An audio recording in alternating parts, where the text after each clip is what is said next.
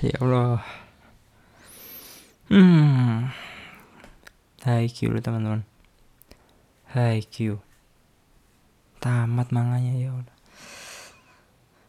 Opening saya opening oh konnichiwa seluruh. Kembali lagi bersama saya Fani Krishna di podcast di atas kasur dalam acara Wibowo Wibu Jowo sudah hampir berapa hari ya aku bikin podcast ini ya?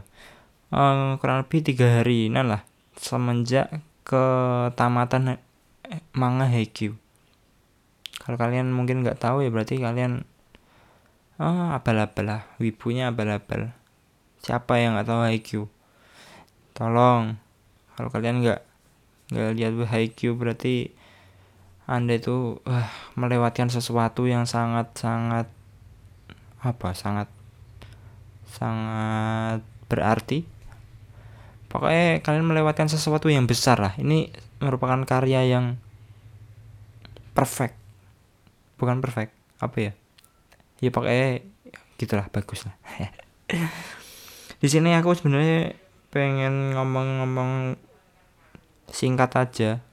Bukan singkat sih cuman mau ngebahas sedikit aja. Wih, aku nggak nggak terlalu semangat tuh soalnya Haikyuu tuh merupakan anime favoritku.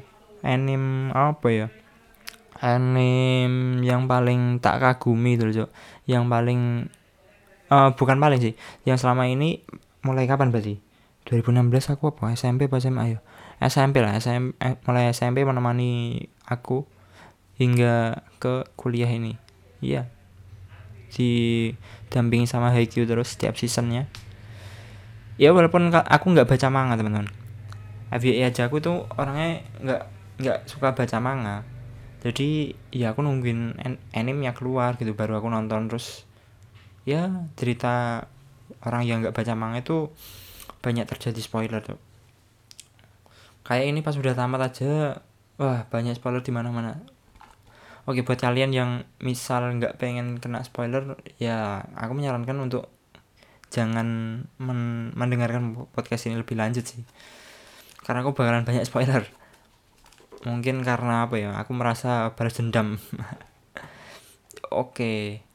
Jadi apa ya? Aku mau tadi ngomong mau ngomong. Kalau di sini banyak spoiler. Misal tentang Oikawa jadi timnas Argentina. Lah itu aku spoiler. Padahal kan itu sesuatu yang apa ya? Kalau kita mengikuti animenya itu nggak terduga itu loh cok. Bener-bener nggak terduga. Kan memang sekarang lagi kejuaraan nasional ya. Uh, lagi kejuaraan nasional dan Aoba Josai kan nggak ikut jadi uh, si siapa? Oikawa. Oikawa itu kan nggak terlalu disorot kan. Jadi ya sangat-sangat sedih campur seneng sih.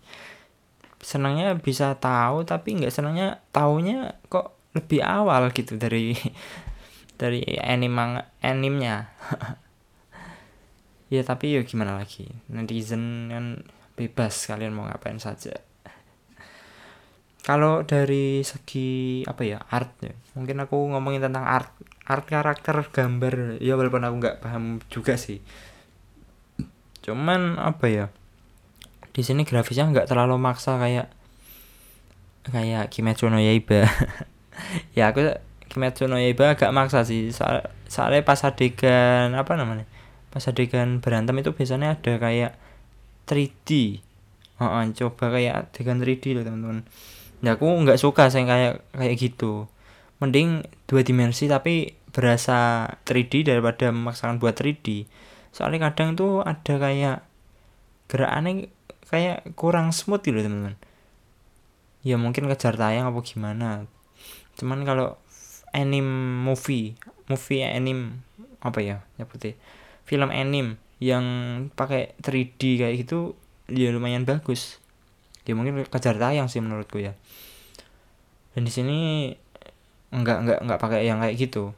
Tetap dua dimensi walaupun apa ya ada sih yang kayak feel tiga dimensinya. Misal uh, mau nge apa ya nge smash ya kamera movementnya tuh kayak menampilkan dia dia itu 3D gitu padahal tapi ya tetap dua dimensi. Biaya ya ya ngono lah intinya lebih senang kalau nggak memaksakan dulu cok itu kalau dari segi art. Wih sosokan paham. Jadi anime ini tuh dibikin sama mangakanya. Mangakanya yang tak browsing ini namanya Furudate. Furudate Sensei. Jadi kayak udah malang melintang di dunia per mangaka. Eh iya po ya? Nggak tahu. Cuman pas ini tamat apa Haikyuu manga Haikyuu tamat dia tuh banyak kiri dikirimi ucapan loh ucapan ucapan sama uh, misal yang mangaka Boku no Hero ya masih banyak lagi sampai sampai aku nggak tahu cuman tahu itu aja. Banyak banyak dapat ucapan apa ya? Menurut menurut kalian menurut kalian kalau ada satu anime tamat itu merupakan kebahagiaan apa ke kesedihan sih sebenarnya soalnya kan kalau semakin banyak ceritanya ya misalnya kayak One Piece itu kan semakin eh belum terjawab gitu loh teman-teman. Belum terjawab. Al One Piece kan apa One Piece itu sebenarnya apa gitu teman-teman. Jangan sampai ah kok ngomongin One Piece? Ya udah sampai situ aja. Pokoknya ada yang belum terjawab itu loh kalau kalau nggak tamat-tamat. Tapi kalau tamat itu kan jadi nggak nggak apa ya jadi kita nggak bisa menyimak keseharian wah keseharian. Ya kayak kurang hiburan aja gitu teman-teman. Nggak tahu kalau menurut kalian gimana? Apakah itu adalah sebuah kebahagiaan karena hati anda sudah terisi? Atau sebuah uh, kesedihan karena tidak bisa ditemani tontonan seperti ini? Kalau aku sih sebenarnya uh, kesedihan. Soalnya nggak bisa temani sama ini. Karena saya menganggur. Jadi butuh teman lah. Terus aku mau membahas tentang apa ya? Story story jalan cerita ya mungkin ya. Kalau jalan cerita mah kalau aku ceritain sinopsisnya sih apa ya? Kayak mainstream. Jadi ada anak namanya Hinata. Ya sama Kageyama lah tak tambahi. Soalnya yang banyak jadi husbu kan. Kageyama ada Hinata sama Kageyama ya pokoknya dia pengen jadi pevoli yang hebat lah pokoknya. Kalau Hinata ini terinspirasi sama si raksasa kecil. Ya, jadi di apa di anime ini ada yang namanya raksasa kecil dulu legenda Karasuno lah.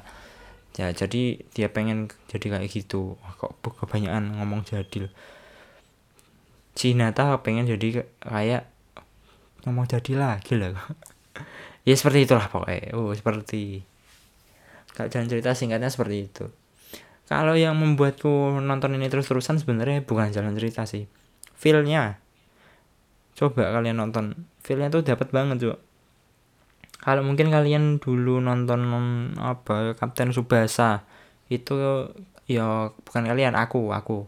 Aku kan masih kecil jadi nungguin adegan-adegan pas nendang bola apa misal pas ya pas pertandingan gitu loh teman-teman.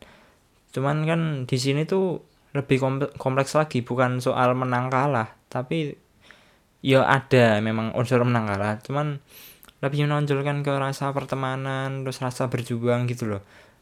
Kayak benar-benar menghargai proses kalau menurutku di sini tuh anim ini. Bukan masalah menang kalah.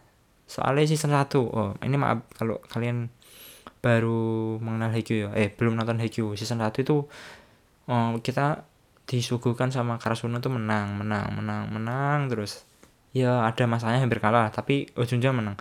Terus di akhir pas lawan Obajusai kalah loh.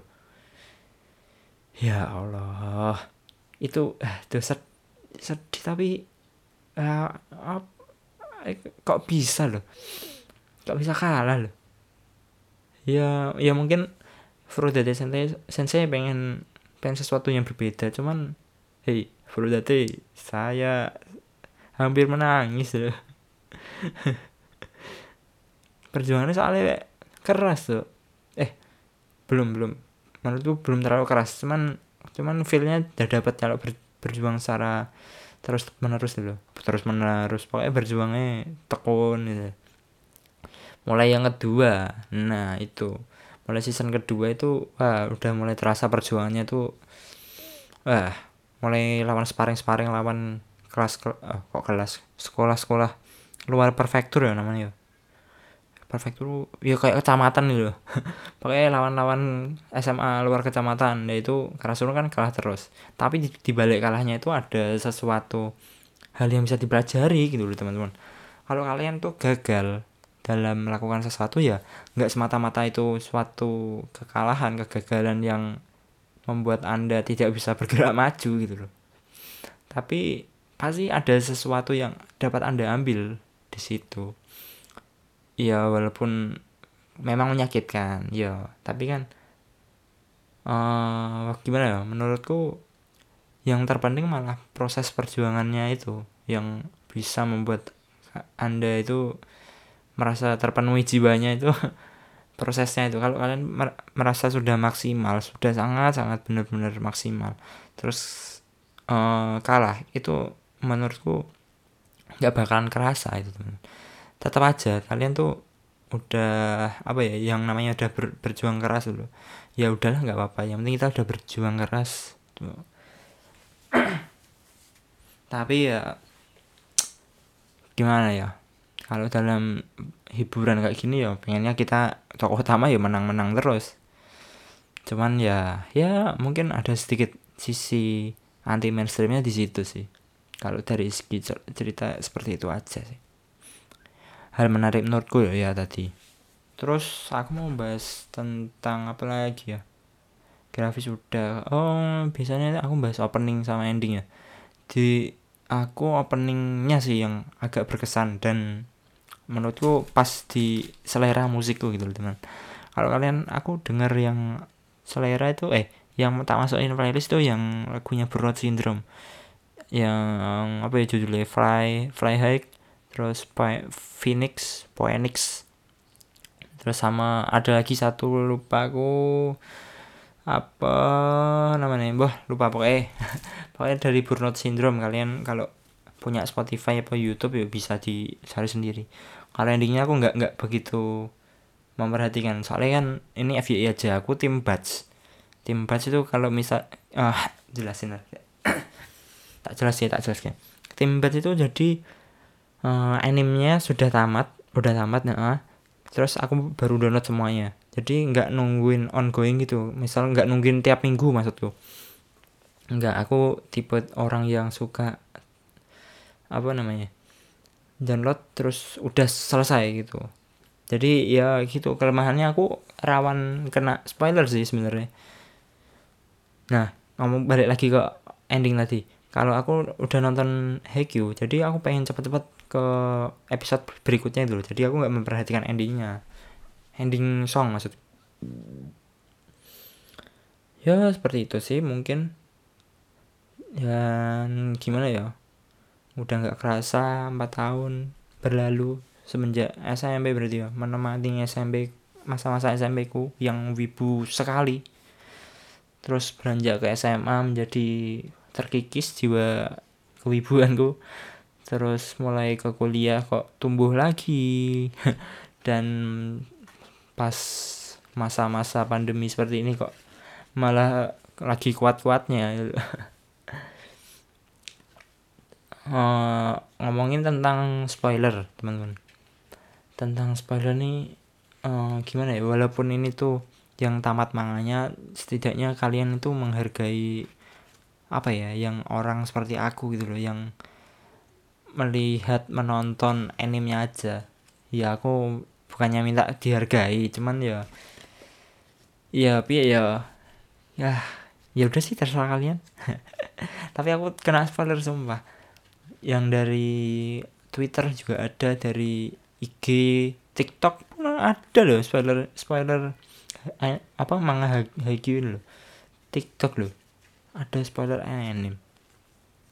Mulai dari Oikawa uh, masuk timnas Jepang eh tidak dong Aikawa timnas Argentina. Iya yeah, rasakan itu kalian yang belum apa kena spoiler tak kasih spoiler cok terus Nishinoya Yu ternyata jadi nelayan nggak melanjutkan karir volleynya padahal itu adalah apa ya salah satu karakter yang tak cinta sifatnya terutama uh, sedikit uh, intermezzo sebentar.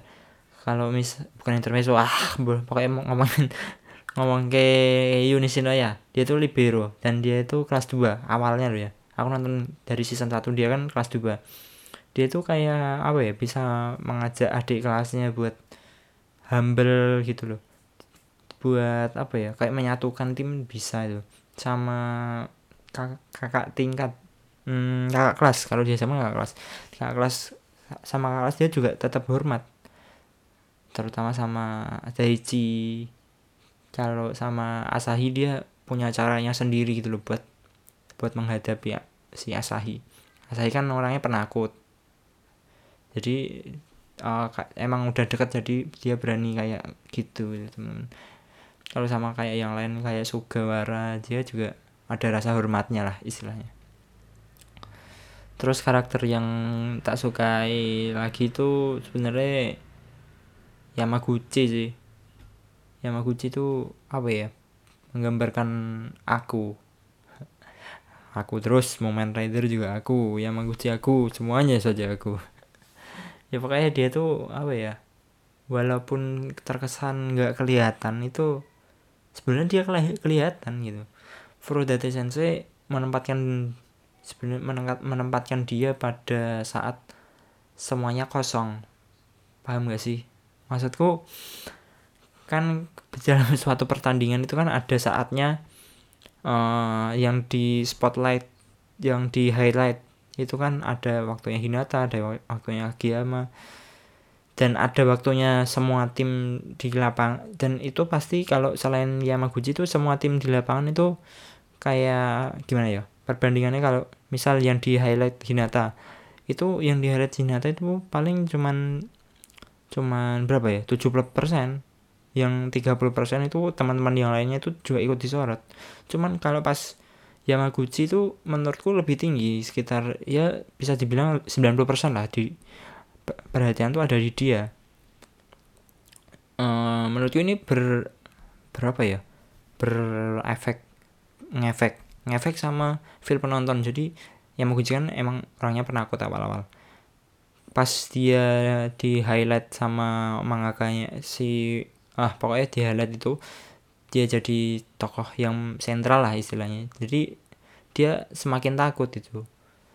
Nggak cuman beban kayak beban di lapangan Yamaguchi itu ada di diri kita itu loh. Kerennya sih itu. Ya itu nggak tahu keren keren Frodate apa keren Yamaguchi. Tapi pokoknya aku seneng Yamaguchi soalnya ada ada partisi seperti itu gitu loh teman-teman ya terus apalagi ya yo? Aku sebenarnya banyak yang mau diomongin soalnya Haiku Haiku ini. Coba kalian kalau dengar podcastku dari awal ini adalah uh, pertama kalinya aku bikin podcast tapi agak terlalu nggak semangat ini. Sedih sedih. Cuman ya gimana lagi? Aku demi Haikyuu aku ikut ekskul volley loh. Eh UKM volley loh di kampus. Padahal aku nggak bisa volley gara-gara Haikyuu semuanya gara-gara Haikyuu tapi ya sudahlah. Namanya karya kan juga ada yang pembukaan ada penutup. Emang iya? Nggak tahu. Oke segitu aja pembahasanku tentang tamatnya manga Haikyuu ya. Tamatnya manga Haikyuu ya. Ini aku mau membahas tentang tampatnya manganya sih sebenarnya. Tapi kan berhubung aku nggak baca manga ya tak bahas aja semuanya. Nggak tahu besok kalau ada ide konten lain ya pasti tak masukin lah di sini. Oke cukup segitu aja perbincangan. Wih podcast kali ini. Wassalamualaikum warahmatullahi wabarakatuh